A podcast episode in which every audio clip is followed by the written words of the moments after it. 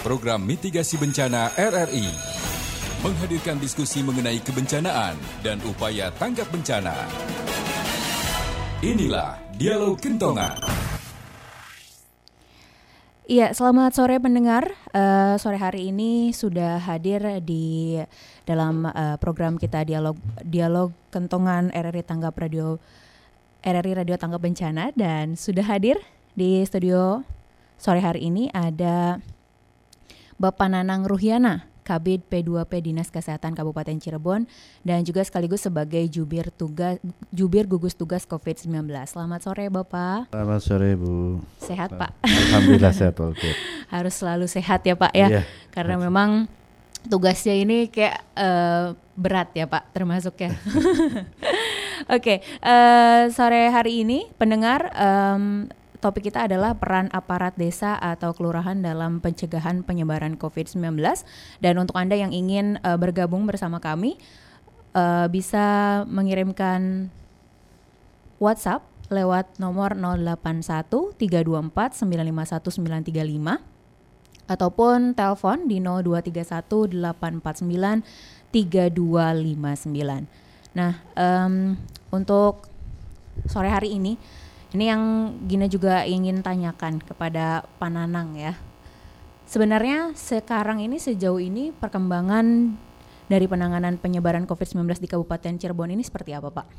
Uh, baik Mbak Gina dan juga pemirsa di rumah bahwa perkembangan coronavirus di Kabupaten Cirebon sampai saat ini uh, kita bilang ya dibanding dengan hari-hari yang lalu ya ada kenaikan ya. Tapi kenaikan ini kalau kita lihat tidak terlalu banyak ya, tetapi uh, ini juga perlu diwaspadai kepada masyarakat ya. Apakah ini betul seperti ini karena ada beberapa hal yang uh, kami juga di, uh, di menjadi pertanyaan seperti gini. Hmm, ada anggapan masyarakat bahwa uh, mungkin takut ya untuk melaporkan diri kalau datang ya. Yeah. Atau mungkin juga ada fenomena lain yang uh, terjadi di masyarakat. Seperti untuk kasus uh, eh, PDP ya, uh, yang jumlahnya sampai hari ini sudah 31 orang, di mana yang sudah uh, sembuh dan sudah pulang ke rumah masing-masing ada 19 orang dan masih ada yang dirawat 12 orang. Ini kenaikannya setiap hari antara dua dan tiga orang ya. Kemudian untuk yang ODP atau orang dalam pemantauan ya, ini jumlah sampai hari ini ada 134 di mana yang selesai pemantauan ada 86 orang dan masih pemantauan ada 48 orang. Kemudian juga yang fenomena yang terbaru ada para pemudik ya di Kabupaten Cirebon ini hampir satu minggu ini kenaikannya cukup signifikan di mana pada awal pada akhir bulan itu hanya uh, eh, 3.500 kemudian pada hari Minggu kemarin ya itu mencapai 7.103 orang. Nah ini ODR ini adalah orang dalam resiko. Jadi seseorang yang uh, datang dari epicentrum tetapi dia tidak punya gejala klinis yang mengarah ke eh, COVID-19 kita masukkan ke kelompok orang dalam resiko. Kemudian juga ada OTG, ya, istilah baru ini orang tanpa gejala. E, definisi OTG ini menurut e, buku pedoman 4 ya, Kementerian Kesehatan e, adalah orang yang tanpa gejala ya, di mana seseorang ini dia merupakan kontak erat dari yang positif, ya. tetapi dia tidak punya gejala dan perlakuannya sama semua ya untuk e, diisolasi selama 14 hari Kemudian untuk yang OTG ini kita periksa uh, swabnya hari pertama kita temukan, kemudian juga uh, pada hari keduanya itu. Nah ini juga OTG juga kita punya kesulitan ya hari-hari ini. Kalau di kontak per telepon sih ada, tetapi begitu didatengin ke rumahnya nggak ada, tertutup. Uh, iya. Nah ini juga menjadi hmm, apa uh, kesulitan kami ya untuk melakukan hal-hal uh, untuk kontak tracing selanjutnya. Oke, okay. Pak untuk uh, pemudik sendiri ini kan udah uh, banyak yang datang gitu ke uh, Kabupaten Cirebon, udah jumlahnya udah mencapai ribuan gitu ya Pak. Betul sekali. Nah, untuk bisa mendeteksi bahwa orang tersebut adalah uh, pemudik itu, ada apakah si pemudik ini harus melapor terlebih dahulu atau seperti apa prosedurnya Pak? Uh, prosedurnya emang uh, harusnya dia melapor ya ke RT ke RW yang ada di kampungnya masing-masing, di daerahnya masing-masing uh, mungkin beberapa ya sudah melaporkan. Kemudian juga uh, peran keluarga ya, peran keluarga ini sangat penting. Jadi kalau ada saudaranya yang datang dari daerah epicentrum ya segera laporkan. Okay. Misalnya uh, karena dianya misalnya harus diisolasi ya di rumah, nggak boleh ke mana-mana ya keluarganya harus melaporkan. Nah ini uh, menjadi perhatian kami juga karena ada yang uh, datang tapi tidak berani melapor itu kan, yeah. yang akhirnya akibatnya fatal gitu kan. Fatal buat tenaga kesehatan yang merawat yang melayani gitu kan. Kemudian juga untuk dirinya sendiri. Sehingga tidak tidak terkontrol sama kita itu. Nah ini mungkin peran serta masyarakat kemudian juga peran serta keluarga yang perlu di eh, lebih ditekankan lagi di eh, daerah masing-masing. Nah sejauh ini sudah ada uh, kasusnya mungkin Pak yang kecolongan gitu nggak lapor? Uh, ada ya, ada ada kasus yang kemarin yang kejadian jadi begitu uh, dia mening mau meninggal ya, mau meninggal dia baru uh, membicarakan hal itu membuka statusnya bahwa dia pulang dari epicentrum ya, hmm. dari daerah dia bekerja kemudian dia uh, sebelum meninggal itu ya setengah jam sebelum meninggal sehingga yang tadinya dia dirawat di ruangan yang umum ya hmm ini menjadi suatu uh, kekagetan ya, ketakutan juga buat orang kesehatan. Seandainya bagaimana kalau uh, semua orang ini menjadi takut seperti ini dia dengan terus terang ini. Kalau kita lihat fenomena ini ya, mungkin juga pemberitaan-pemberitaan seperti di TV atau di mana ya di media cetak ya. Ada beberapa yang meninggal di beberapa daerah yang ditolak Yeah. Mungkin ini juga menjadi pengaruh terhadap uh, keterus terangan dari uh, masyarakat ini. Makanya jangan takut sebetulnya, jangan takut di stigma uh, kepada masyarakat ini karena kalau misalnya terus-terusan seperti itu, kami yang kesehat yang ada di kesehatan lebih hmm. lebih berpotensi itu kan untuk uh, menjadi bahaya terhadap dirinya sendiri gitu kan terhadap uh, apa orang kesehatannya juga gitu. Jadi sebenarnya orang yang mudik uh, justru seharusnya jangan takut ya Pak untuk yeah. melapor. Yeah. Oke. Okay. Uh, nah ini um, setelah apa namanya apabila prosedurnya si pemudik ini sudah melaporkan diri begitu Pak. Hmm. Apakah selanjutnya um, beliau ini langsung diisolasi uh, melakukan isolasi diri ataukah memang ada prosedur tertentu, tertentu dari um, gugus tugas sendiri Pak? Uh, di situ kan ada protokol untuk isolasi diri yang hmm. kita bagikan ya sesuai dengan uh, protokol yang dikeluarkan oleh Menteri Kesehatan. Yang disebut isolasi diri itu kan dia diam di rumah, kalau dia merasa uh, dari daerah berbahaya, tidur pun berpisah dengan yang lain, kemudian makan minum juga tidak boleh bareng tempatnya ya selama 14 hari itu. Jika dalam 14 hari itu dia merasa ada uh, kelainan, misalnya ada gejala demam, kemudian batuk, panas, nah, segera dia melap, apa menelpon ke orang kesehatan atau dia pergi ke tempat layanan kesehatan. Di situ sudah ada petunjuk-petunjuknya. Jadi nanti kalau misalnya dia datang lapor ke kita ya, kemudian dia akan akan didata sama kita. Okay. Nama, nomor telepon untuk mempermudahkan uh, komunikasi jika ada sesuatu yang uh, dia rasakan ada kelainan. Nah itu itu protokol yang uh, diedarkan oleh Kementerian Kesehatan. Makanya jika seseorang ini datang, ya dia merasa di daerah ter apa epicentrum, ya diam aja di rumah gitu, jangan ke mana-mana. Banyak laporan yang masuk ke kami juga, mungkin karena dia banyak uang akhirnya jalan-jalan gitu ke mana-kemana belanja itu kan. Yeah. Padahal di situ jangan gitu kan, jangan pergi ke mana-mana. Gitu. Nah, mungkin itu juga yang menjadi uh, hambatan bagi mereka kenapa tidak melaporkan diri takut saya nggak ke mana-mana gitu kan.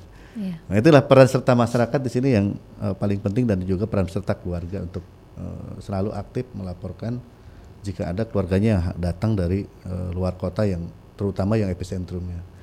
Epicentrum yang di Jawa Barat itu kan dimulai Bekasi ya, Bekasi Bekasi ya, Kota Bekasi, Kabupaten Bekasi, Kota Bogor, Kabupaten Bogor, kemudian Depok, Kerawang ya. Kalau ke Bantennya Tangerang, Tangerang Selatan dan Kota Tangerang. Kalau ke Jawa Tengahnya dari Semarang itu kan. Kemudian Jawa Timur. Nah ini kota-kota yang ada di Pulau Jawa yang merupakan uh, epicentrum dari COVID-19 ini. Iya.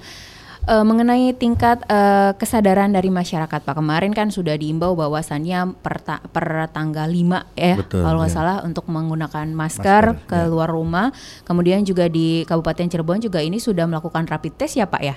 Betul, betul. Nah, ini tingkat kesadaran masyarakatnya sendiri seperti apa untuk mengikuti instruksi dari pemerintah ini, Pak?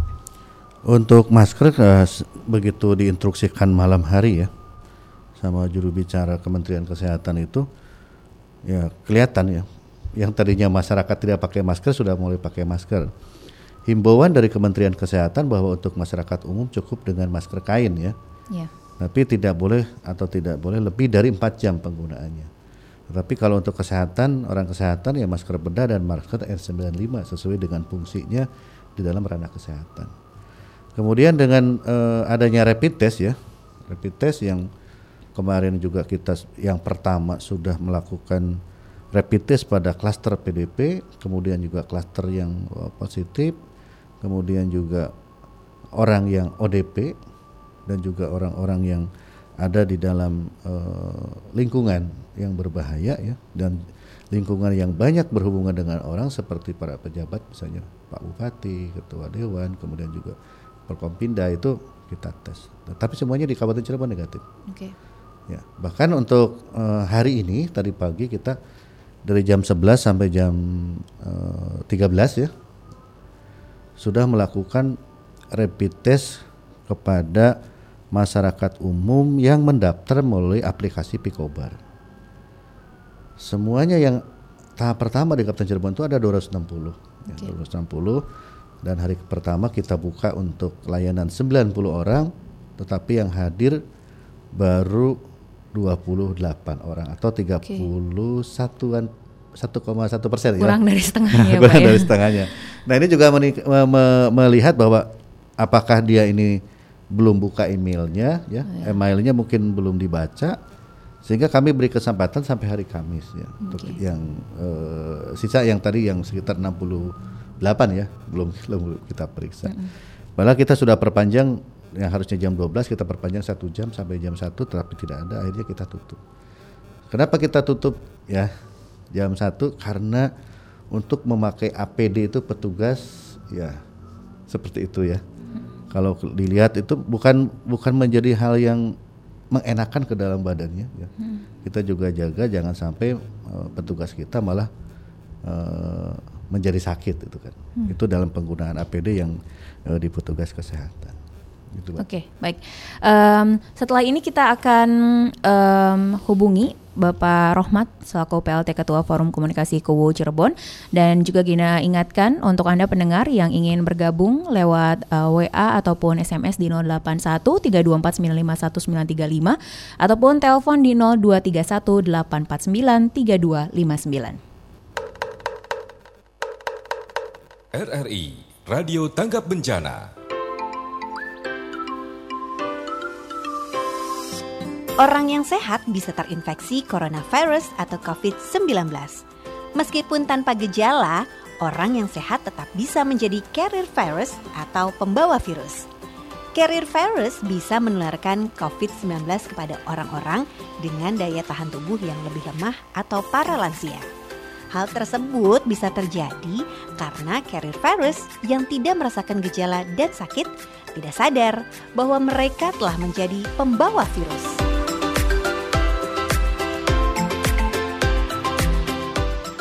RRI Radio Tanggap Bencana.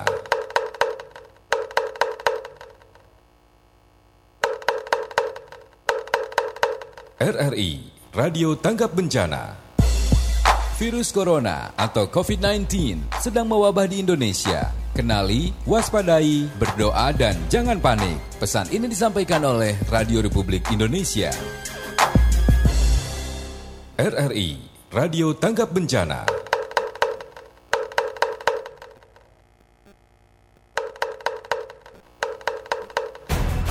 Anda sedang mendengarkan program mitigasi bencana RRI, menghadirkan diskusi mengenai kebencanaan dan upaya tanggap bencana. Dialog Kentongan.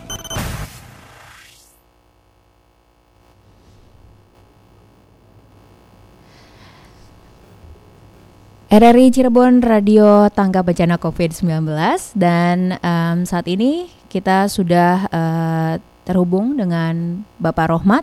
Tapi sebelumnya Gina juga akan ingatkan kembali untuk Anda yang ingin bergabung lewat WhatsApp ataupun SMS di 081324 951935 ataupun telepon di 0231 849 3259. Nah, kita ngobrol lagi uh, bersama dengan Pak Nanang. Uh, Pak, ini kan orang yang uh, di, uh, istilahnya diundang gitu ya Pak untuk rapid test uh, melalui email begitu. Nah sebenarnya uh, apa kategori untuk bisa uh, mengikuti rapid test ini Pak? Sebelum dia uh, diundang itu dia harus uh, download dulu aplikasinya ya. Oke. Okay. Aplikasi Picobarnya. Kemudian setelah mendaftarkan akunnya melalui akunnya melalui emailnya ya. Hmm. Di situ ada namanya periksa diri ya di situ ada okay. ada menu seperti itu dan situ akan diberikan pertanyaan-pertanyaan ya mm -hmm.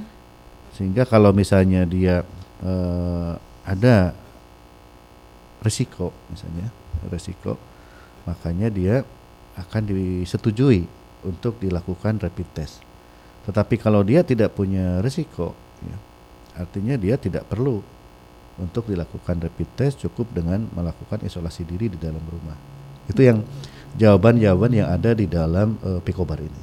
Oke. Jadi bi siapa pun bisa mengikuti rapid test ini ya, Pak ya. Betul, siapa pun asal tadi uh, ikuti dulu pertanyaan-pertanyaan yang ada di aplikasi Picobar. Oke. Nah, itu dia ya pendengar. Jadi uh, jangan takut untuk uh, melakukan rapid test begitu ya Pak ya, ya, ya. agar uh, apalagi merasa misalnya ada saudara yang baru pulang ya, kampung ya, gitu kan ya Pak ya. Nah, uh, ini kan Bapak sebagai uh, yang terdepan gitu ya Pak istilahnya ya, Betul. ya, penghubung antara pemerintah dan juga uh, masyarakat begitu. Apa yang um, kesulitan apa sih ya Pak yang Bapak temui ketika Bapak uh, apa namanya uh, mensosialisasikan informasi dari uh, pemerintah yang untuk diterapkan ke masyarakat? Pertama adalah uh, informasi-informasi yang uh, berbentuk uh, apa kebohongan ya, misalnya sebut hoax gitu kan. Banyak beredar misalnya si A ini positif itu kan. Yeah. Dan itu banyak beredar ya. Jadi jangan jangan langsung ditangkap seperti itu. Kemudian juga cukup informasi itu dari uh, pemerintah yang resmi lah ya informasi-informasi tentang COVID-19. Terus terang kalau misalnya dari kami itu tidak mungkin mempublish nama seseorang komplit dengan umur, nama, alamat itu tidak mungkin. Nah banyak berseliweran ya informasi-informasi tersebut sehingga menambah takut masyarakat. Ya, jadi ingat bahwa karakter dari virus ini adalah dia ditularkan melalui droplet yang dikeluarkan ya melalui batuk atau bersin. Jauhnya droplet ini menurut peneliti itu satu meter. Nah ini yang mesti diketahui eh, bahwa kalau kita melakukan jaga jarak, kalau pada saat kita berkumpul dengan teman, ngobrol, ya, insya Allah tidak akan tertular. Selalu gunakan masker, hmm. uh, apalagi dalam keadaan batuk pilek, apalagi sekarang semua harus memakai masker. Maksudnya apa? Droplet itu jangan sampai terhirup sama kita. Nah, kalau ada masker berarti kan kehalang sama masker. Kemudian pemakaian masker juga mesti yang benar gitu kan. Hmm. Yang benar dalam artian jangan dipegang-pegang terus depannya. Siapa tahu di situ uh, tanpa kita sadari kesedot ya sama napas kita akhirnya uh, kita megang ngucek-ngucek mata atau kita makan tanpa cuci tangan itu kan tanpa kita sadari karena kebiasaan kita ya akhirnya kita tertular makanya di sini perbanyaklah cuci tangan pakai sabun dengan air mengalir kan begitu hmm. karena tadi karakter virusnya begitu kena air ini pecah membrannya itu kan okay. itu ya kenapa harus cuci tangan cuci tangan uh, terus itu kan informasi selalu begitu cuci tangan pakai sabun dengan air mengalir, pakai masker sekarang. Atau kalau tidak ada air kita pakai uh, hand sanitizer. Mungkin di waktu-waktu tertentu di saat kita tidak air ya bisa dipakai lah seperti itu. Tapi jangan terus-terusan kalau ada air ya ada airnya itu aja. Kita lihat sekarang di beberapa instansi di mana pun ya untuk cuci tangan itu selalu ada, sudah ada dibangun gitu, dibuat di tempat-tempat uh, instansi itu sudah ada. Bahkan di beberapa pasar saya lihat juga sudah dibuat ya untuk cuci tangan secara umum di situ disiapkan sabunnya juga intinya tingkat kesadaran masyarakat juga sudah banyak ini hal-hal untuk masalah pencegahannya. Hmm. tinggal sekarang ikuti instruksi pemerintah aja. Jangan pada bergerombol kemudian juga kalau tidak perlu jangan keluar rumah gitu. Diam aja sekarang sini. Oke, okay. Uh, berarti uh, apa sejauh ini masyarakat ya um, sebagian sudah menuruti instruksi begitu ya Pak? Dengan menggunakan masker, kemudian juga hmm. ada yang uh, sudah mengikuti rapid test juga gitu ya Pak ya. Yeah. Nah ini untuk uh, menilik dari kesiapan dari uh, rumah sakit ya sendiri karena kita kan sebenarnya hmm. tidak menginginkan uh, kor uh, apa namanya pasien bertambah begitu yeah. Pak. Nah untuk di Kabupaten Cirebon sendiri seperti apa?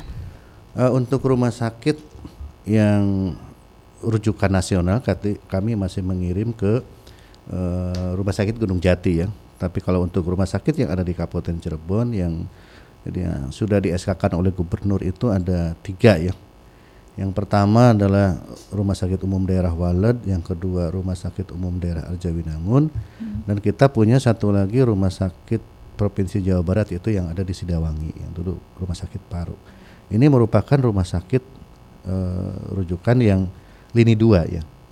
Kemudian juga uh, rumah sakit rumah sakit swasta juga sudah uh, berikut berpartisipasi untuk uh, menampung atau mengisolasi pasien-pasien yang uh, tidak tertampung di uh, rujukan nasional dan juga di lini dua yang uh, sudah di oleh uh, Gubernur Jawa Barat.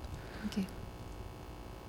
Seperti rumah sakit Mitra Plumbon itu udah banyak ya merawat di situ. Kemudian juga rumah sakit Pertamina, rumah sakit Permata, rumah sakit UMC ya ikut berpartisipasi juga dan sesuai dengan instruksi dari kementerian uh, semua akan dibayar oleh pemerintah. Oke. Okay. Gitu. Jadi jangan jangan takut itu. Oke. okay.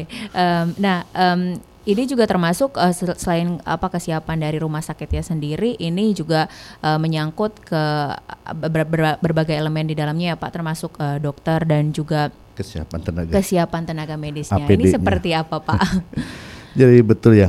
Emang uh, isolasi ini perlu ruangan yang khusus ya yang kita sebut ruangan bertekanan negatif. Ya. Artinya uh, di ruangan itu tidak tidak bisa menularkan ke mana-mana ya. Namanya yeah. ruang isolasi itu kan. Kemudian juga kesiapan alat-alat yang ada di ruang isolasi seperti uh, ventilator kemudian juga dan sebagainya ya. Kemudian juga uh, kesiapan dari tenaga medis dan para medis. Nah ini. Jadi banyak yang harus disiapkan. Makanya tidak selalu rumah sakit itu punya ruang isolasi gitu kan mm tapi uh, kita sudah ada pengalaman kalau di Cirebon ini dengan adanya dulu ada uh, kasus flu burung ya pada tahun 2015 apa 16 ya lupa saya itu. Hmm. Sehingga di di Cirebon itu rumah sakit Gunung Jati yang di uh, set up oleh Kementerian Kesehatan ditunjuk hmm. sebagai uh, rumah sakit rujukan isolasi nasional. Kemudian juga dengan adanya rumah sakit uh, daerah ya yang lini dua ini yang akhirnya uh, menambah ruang isolasi. Kayak di Walet itu disiapkan 15 ruang isolasi. Kemudian juga di Rumah Sakit uh, Sidawangi yang Provinsi Jawa Barat juga 15 isolasi. Dan di Rumah Sakit Arjawinangun itu paling banyak. Ada 21 yang sudah kita siapkan. Okay. Dan kalau lihat di Mitra Plumbon kalau misalnya Plum, Mitra Plumbon itu sampai 12 ya. Okay. 12 ruang isolasi. Jadi kalau lihat kesiapan di rumah sakit kayaknya kita sudah uh, mencukupi ya untuk saat ini. Oke. Okay.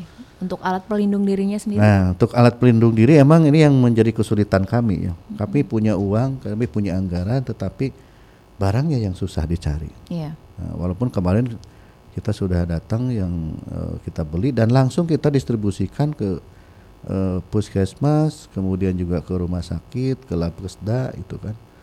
Ya, orang-orang yang langsung bersentuhan, uh, petugas yang berlangsung bersentuhan dengan uh, uh, penderita COVID tersebut. Okay. Bahkan hari uh, hari ini untuk petugas surveillance yang melacak melakukan kontrak tracing, kontrak tracking kepada ODP yang ada di wilayah kerjanya masing-masing. Kita berikan APD juga. Oke. Okay. Kemarin tuh uh, saya sempat baca di media sosial Pak uh, ada uh, seorang perawat juga yang share katanya se sebenarnya banyak APD yang disumbangkan begitu tetapi katanya tidak sesuai dengan standar yang seharusnya. Nah, itu seperti apa, Pak? Ya. Jadi sepanjang orang yang mendonasi kami terima. Okay. Nah, kita yang milah-milah itu di dinas ya. Makanya ada ada juga yang langsung dari donatur ke puskesmas. Ya, ya tetap kita terima juga. Nah nanti pemakaiannya disesuaikan dengan kasus. Okay. Kalau misalnya untuk dia untuk datang ke ODP atau ke ODR ya cukup dengan masker dan sarung tangan sudah cukup. Tetapi kalau yang bersentuhan dengan langsung dengan uh, pasien yang kita duga misalnya itu hmm. perlu APD lengkap itu kan. Apalagi hmm. untuk yang ruang isolasi itu harus APD lengkap. Jadi tidak serta merta semua yang Eh, petugas kesehatan itu harus memakai APD lengkap hmm. karena ada klasifikasinya tadi itu kan dan itu sudah ada pedomannya hmm. ya kalau tadi ketidaksesuaian mungkin nah untuk apa dulu yang tidak sesuai okay. gitu kan hmm. mungkin untuk kegiatan dia untuk isolasi yang di rumah sakit hmm. tidak sesuai hmm. tapi untuk di lapangan yang datang ke rumah rumah itu untuk mengecek yang ODR karena ini 14 hari ya masih bisa-bisa aja gitu kan okay. dipakai jadi um, apa namanya APD itu tergantung kepada kebutuhannya ya, ya Pak klasifikasi ya. dari kebutuhan. Uh, penyakitnya tadi. Oke. Baik, kita masih berusaha terhubung dengan uh, Bapak Rohmat Ketua uh, eh, PLT Ketua Forum Komunikasi Kubu Cirebon dan juga untuk Anda yang ingin bergabung bersama kami lewat WhatsApp dan SMS di 081324951935 ataupun di telepon di nomor telepon 0231843259.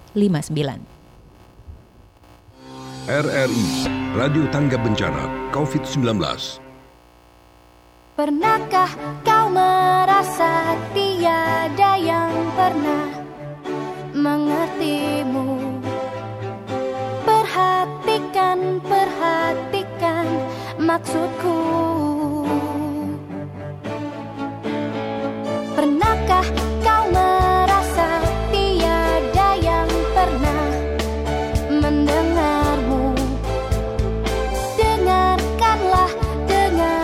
啦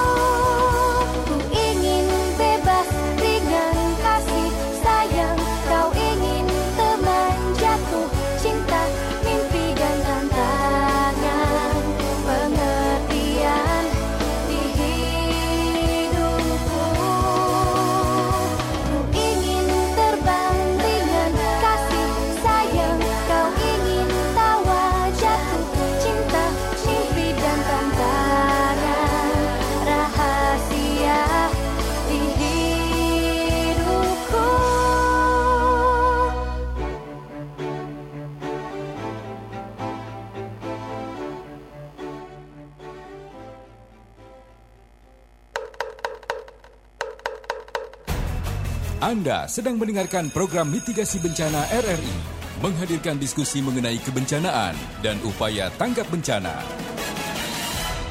Dialog Kentongan. RRI Cirebon Radio Tanggap Bencana COVID-19 dan eh, pendengar kita akan eh, terhubung dengan Bapak Rohmat PLT Ketua Forum Komunikasi KUWU Cirebon. Selamat sore Pak Rohmat. Ya, selamat sore. Mohon maaf tidak bisa tidak bisa bergabung di studio RRI Oke, karena baik. ku harus ada kegiatan sosial warga jadi harus ada di tengah-tengah masyarakat. Baik, tetap sehat ya Pak Rohmat ya. Ya, siap. Nah, eh, ngomong-ngomong sosialisasi apa ini Pak sore hari ini? Eh, untuk tanggap darurat COVID-19, saya kira desa entitas yang khas ya. Ya, pemerintahan tidak harus menunggu realisasi anggaran, tetapi Mhm. secara taktis dan teknis seluruh desa di Kabupaten Cirebon sudah bergerak untuk melakukan tanggap darurat COVID. Ya Oke. dari sisi preventif eh, untuk penyemprotan disinfektan, sosialisasi ke warga sudah masif dilaksanakan di tiap-tiap desa. Oke, Eh, ini juga berarti termasuk eh, apa namanya penyemprotan disinfektan, kemudian juga eh, apa namanya menutup akses masuk ke desa masing-masing atau seperti apa, Pak? Ya untuk menutup akses wilayah saya kira kondisional ya karena hari ini eh, kita juga ikut kebijakan pemerintah ditambah mobilitas ekonomi sosial masyarakat di desa itu kan dinamis. Ya. Jadi kalau kita tidak kondisional bukan apa eh, mekanisme tutup buka wilayah, saya kira mobilitas ekonomi sosial di desa juga akan terganggu. Jadi ya minimal tadi kalau ada mobilitas warga dari luar kota, paling nanti kita akan data, kemudian kita akan tanya riwayat kesehatannya, kemudian berkoordinasi dengan dinas eh, kesehatan terkait, terutama puskesmas yang ada di sekitar desa. Oke, Eh, ini untuk eh, warga pendatang ataupun pemudik dari wilayah zona merah sendiri, Pak. Ini kan eh, dikatakan tadi oleh Bapak Rohmat juga sudah banyak yang pulang kampung begitu. Nah, ini bagaimana dari eh, desa sendiri, Pak, peran peran desa ataupun kelurahannya untuk mence- mencegah penyebaran penyebaran coronanya sendiri, Pak? Kalau untuk kultur budayanya kami tidak bisa mencegah ya, karena itu kan Mm-mm. karifan lokal ya, orang pulang ke orang tua, silaturahim dan seterusnya. Mm-mm. Tapi ya minimal tadi kita eh, sebagai tindak preventifnya ketika ada yang baru datang dari luar kota, kita ada posko COVID di masing-masing desa.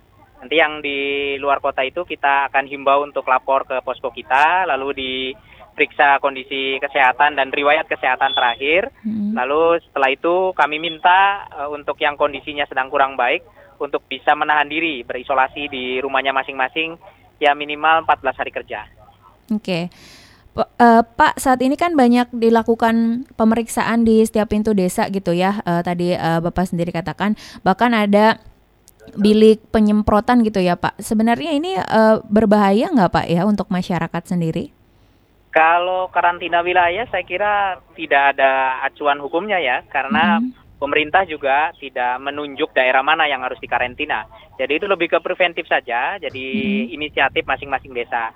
Nah, kalau untuk penyemprotan disinfektan pakai bilik penyemprotan dan seterusnya, sejauh saya tahu hari ini tidak ada rekomendasi dari Dinas Kesehatan. Oke. Karena memang disinfektan itu tidak untuk disemprotkan ke manusia karena selaput-selaput lendir manusia yang di mata, hidung justru sensitif dengan disinfektan. Jangan sampai nyegah Covid terus jadi malah batuk-batuk karena disemprotin disinfektan. Oke, Eh, Pak Rohmat, ini mengenai anggaran ya, anggaran dalam penanganan COVID-19 sendiri bagi desa masing-masing seperti apa Pak? Kalau untuk instruksi dari Pak Presiden dan Pak Menteri Desa itu sudah otomatis masuk di dalam dana desa transfer pusat sehingga alokasi APBDes di dana desa itu sudah eh, tercover di unit anggaran kegiatan penanggulangan COVID. Nah, cuman untuk realisasi tahun anggaran DD1 itu kan belum direalisasi. Jadi cantolan anggarannya udah dapet, tapi realisasinya ya Pak Kubu nggak harus nunggu secara teknis, tapi harus sudah teknik duluan. Jadi ya jalan duluan aja. Oke, ada bantuan juga dari relawan ataupun masyarakat sendiri? Pasti, pasti itu yang didorong. Apa karena hari ini kesua desa itu ya eh, sisi keswadayaannya harus didorong. Kayak misalkan di desa saya, karena kapasitas penyemprotan terbatas, ya kami eh, menyediakan disinfektan, lalu masyarakat diarahkan untuk menyemprot mandiri di lingkungannya masing-masing sesering mungkin. Oke, Nah, jadi desa menstimulan aja semprotan awal, nggak bisa tiap hari nyemprotin warga. oke, Nanti apa waktunya habis buat nyemprot aja. Jadi Oke. nanti mereka yang yang dirangsang untuk eh, melakukan penyemprotan mandiri. oke. Nah ini ada ber- eh, berhubungan dengan tingkat kesadaran dari masyarakatnya sendiri begitu ya Pak. Eh, kemarin juga sudah diinstruksikan untuk menggunakan masker. Nah ini di desa-desa sendiri kondisinya seperti apa Pak? Apakah eh, instruksi ini eh, diikuti oleh masyarakat ataukah mungkin eh, banyak masyarakat yang masih abai Pak? Semua himbauan dari atas sudah disampaikan. Tetapi kesadaran itu kan attitude ya. Jadi belum semua masyarakat kemudian eh, langsung mengikuti himbauan. Ya mungkin dari sisi kepraktisan, dari sisi kesadaran masyarakat masih sangat variatif. Jadi sejauh ini saya hampir pastikan himbauannya sudah disampaikan, tapi pematuhan terhadap himbauan pemakaian masker saya kira belum belum belum terlalu optimal. Oke, Se- eh, sejauh ini seperti apa efektivitas eh, apa eh, program yang sudah dilakukan oleh desa sendiri Pak terhadap masyarakat? Ya, kalau untuk tindakan preventif, saya kira Mhm. karena situasinya sudah terkondisikan situasi ya, jadi secara psikologis baik pemerintah desa maupun masyarakat hari ini punya tingkat kewaspadaan yang sama, Hmm. sehingga artinya bahwa memobilisasi kesadaran masyarakat dengan kondisi semacam ini jauh lebih mudah. Uh, karena memang dari pemberitaan TV, kemudian ya terkondisikan oleh uh, lingkungan sekarang yang memang uh, sama-sama sedang apa uh, intensif menghadapi COVID. Oke, Em, Pak Rohmat di sini ada Bapak Nanang eh, juru bicara gugus tugas COVID-19 mungkin ada yang ingin disampaikan Pak? Ya Pak Nanang, saya sering ketemu di udara saja ya, kita berteman di Facebook. ya, ya Pak Nanang ini saya kira uh, apa salah satu senior uh, di dinas kesehatan yang sering berhadapan dengan apa uh, penyuluhan-penyuluhan kesehatan ya tentang upaya penyakit masyarakat. Ya Pak Nanang, prinsipnya desa hari ini sangat kooperatif dan sinergis dengan semua program penanggulangan tanggap darurat COVID dari Kabupaten Cirebon. Nah, ya sebagai bukti bahwa di desa itu hari ini belum ada anggaran apa-apa, tetapi proses penganggarannya sedang kita siapkan, tetapi semua langkah teknis yang berkonsekuensi anggaran sudah dihandle semuanya oleh KU dan apa masyarakat desa Kelangnan. Ya, kemarin kita sudah menghadap Pak Bupati untuk ya segera melakukan langkah-langkah percepatan realisasi anggaran dana desa agar ya tadi semakin masyarakat semakin kompak, eti apa political will kubu kuat didorong dengan anggaran yang ada, saya kira uh, desa siap bersinergi. Dan terima kasih untuk teman-teman puskesmas yang juga kooperatif. Tiap desa sekarang tersambung dengan kontak apa center di tiap-tiap puskesmas, para bidan desa yang aktif memonitor uh, war- pergerakan warga yang dari luar Kelangenan untuk datang ke desa untuk diperiksa apa kondisi kesehatannya. Oke, baik.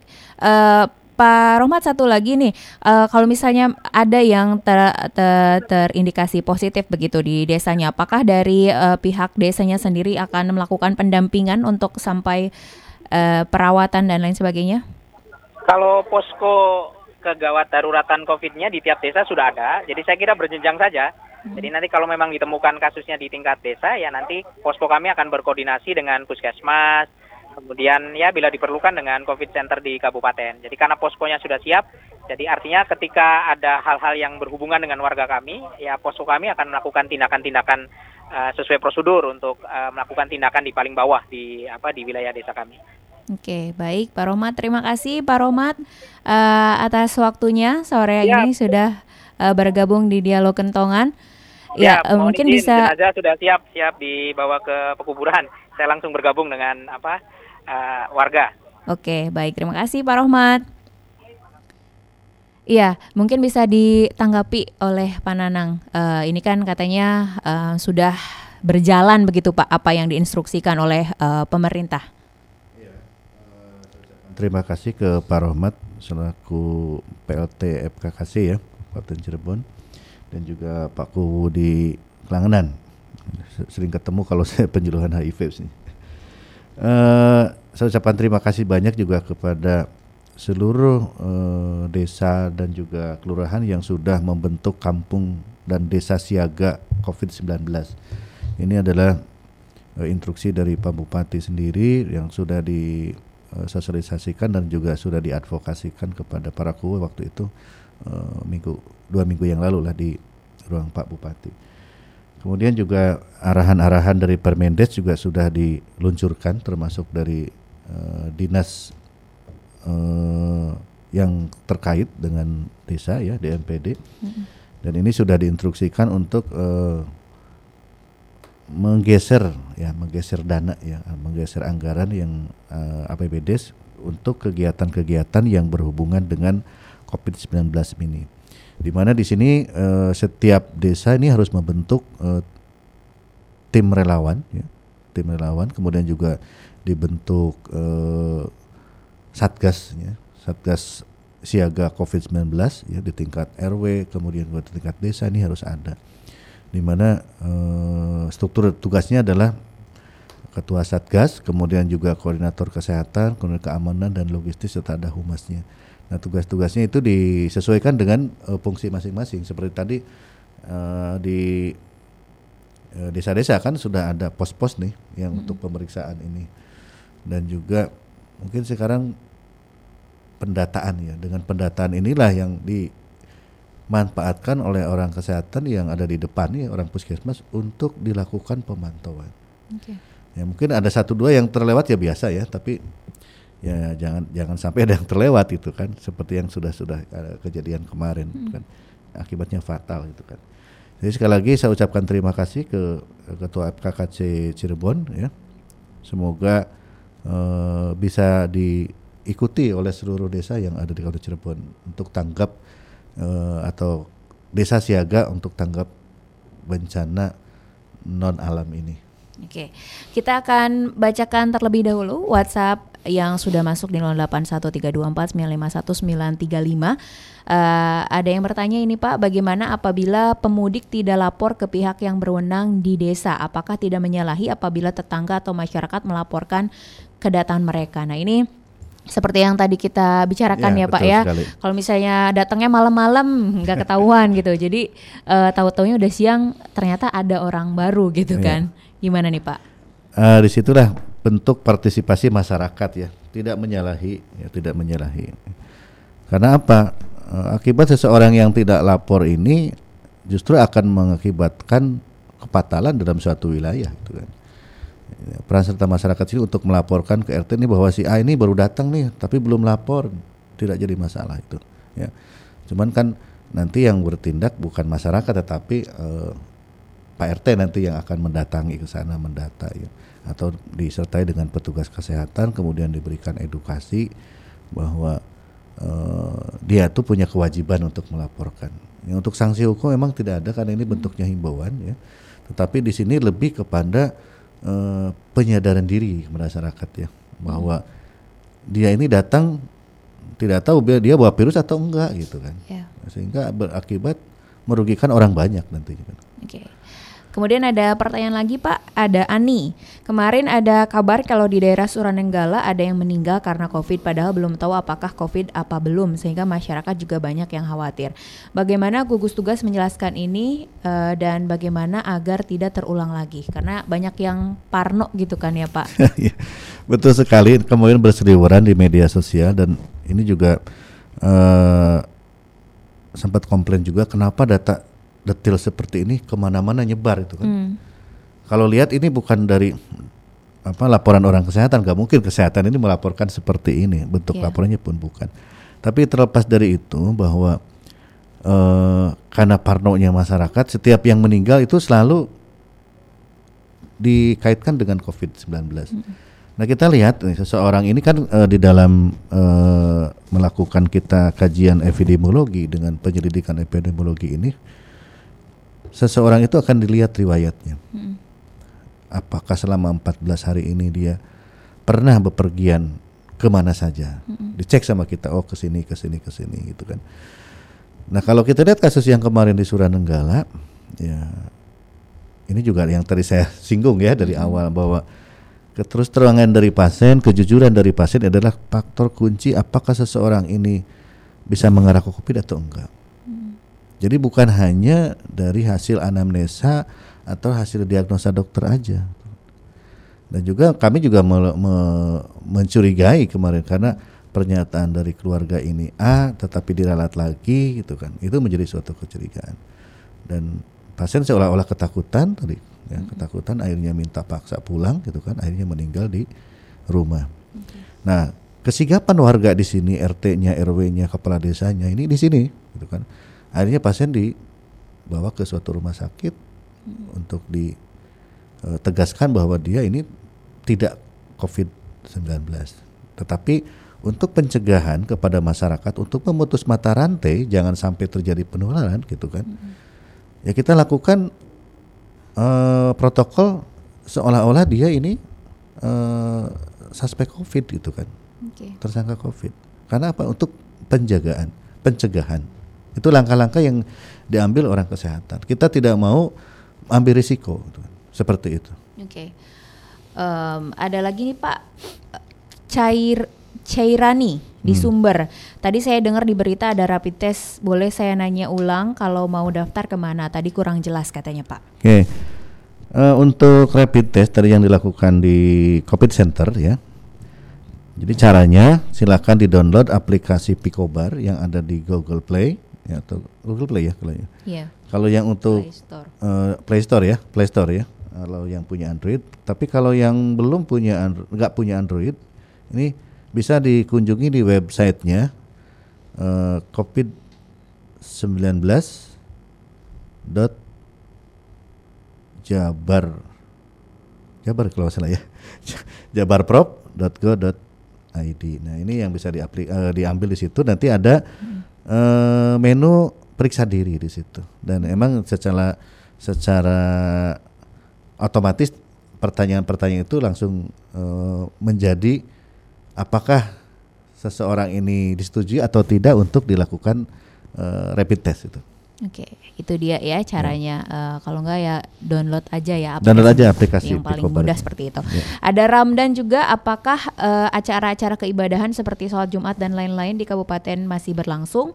Karena kalau di desa saya semua masih berjalan bahkan sholat maghrib Isya juga masih ramai. Bahkan pengajian anak juga masih berjalan seperti biasa. Seperti apa Pak ini? Ini kan berarti belum ada sanksi yang eh, jelas gitu ya Pak ya. Eh, apakah Hmm. Bisa diganti sanksinya jadi denda gitu Pak?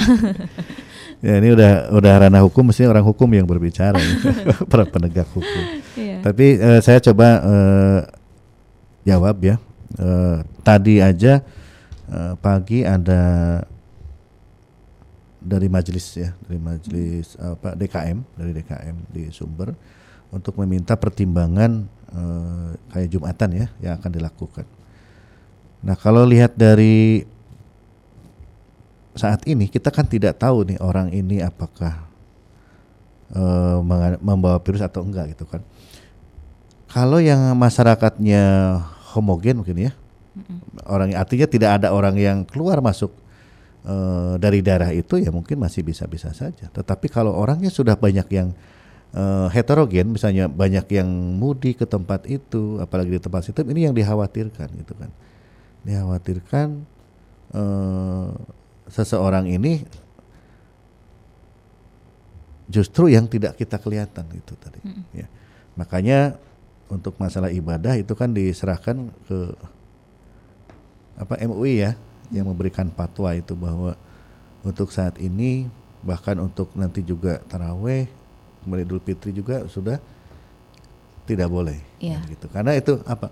Kita tidak tahu siapa yang membawa virus Oke, Pak, ini erat kaita- kaita- kaitannya dengan eh, stigma masyarakat terhadap orang yang ODP dan PDP, termasuk juga tenaga medis. Nah, bagaimana da- eh, apa namanya dari gugus tugas sen- sendiri untuk eh, apa namanya ya menghimbau masyarakat untuk hilangin deh stigma itu gitu, Pak?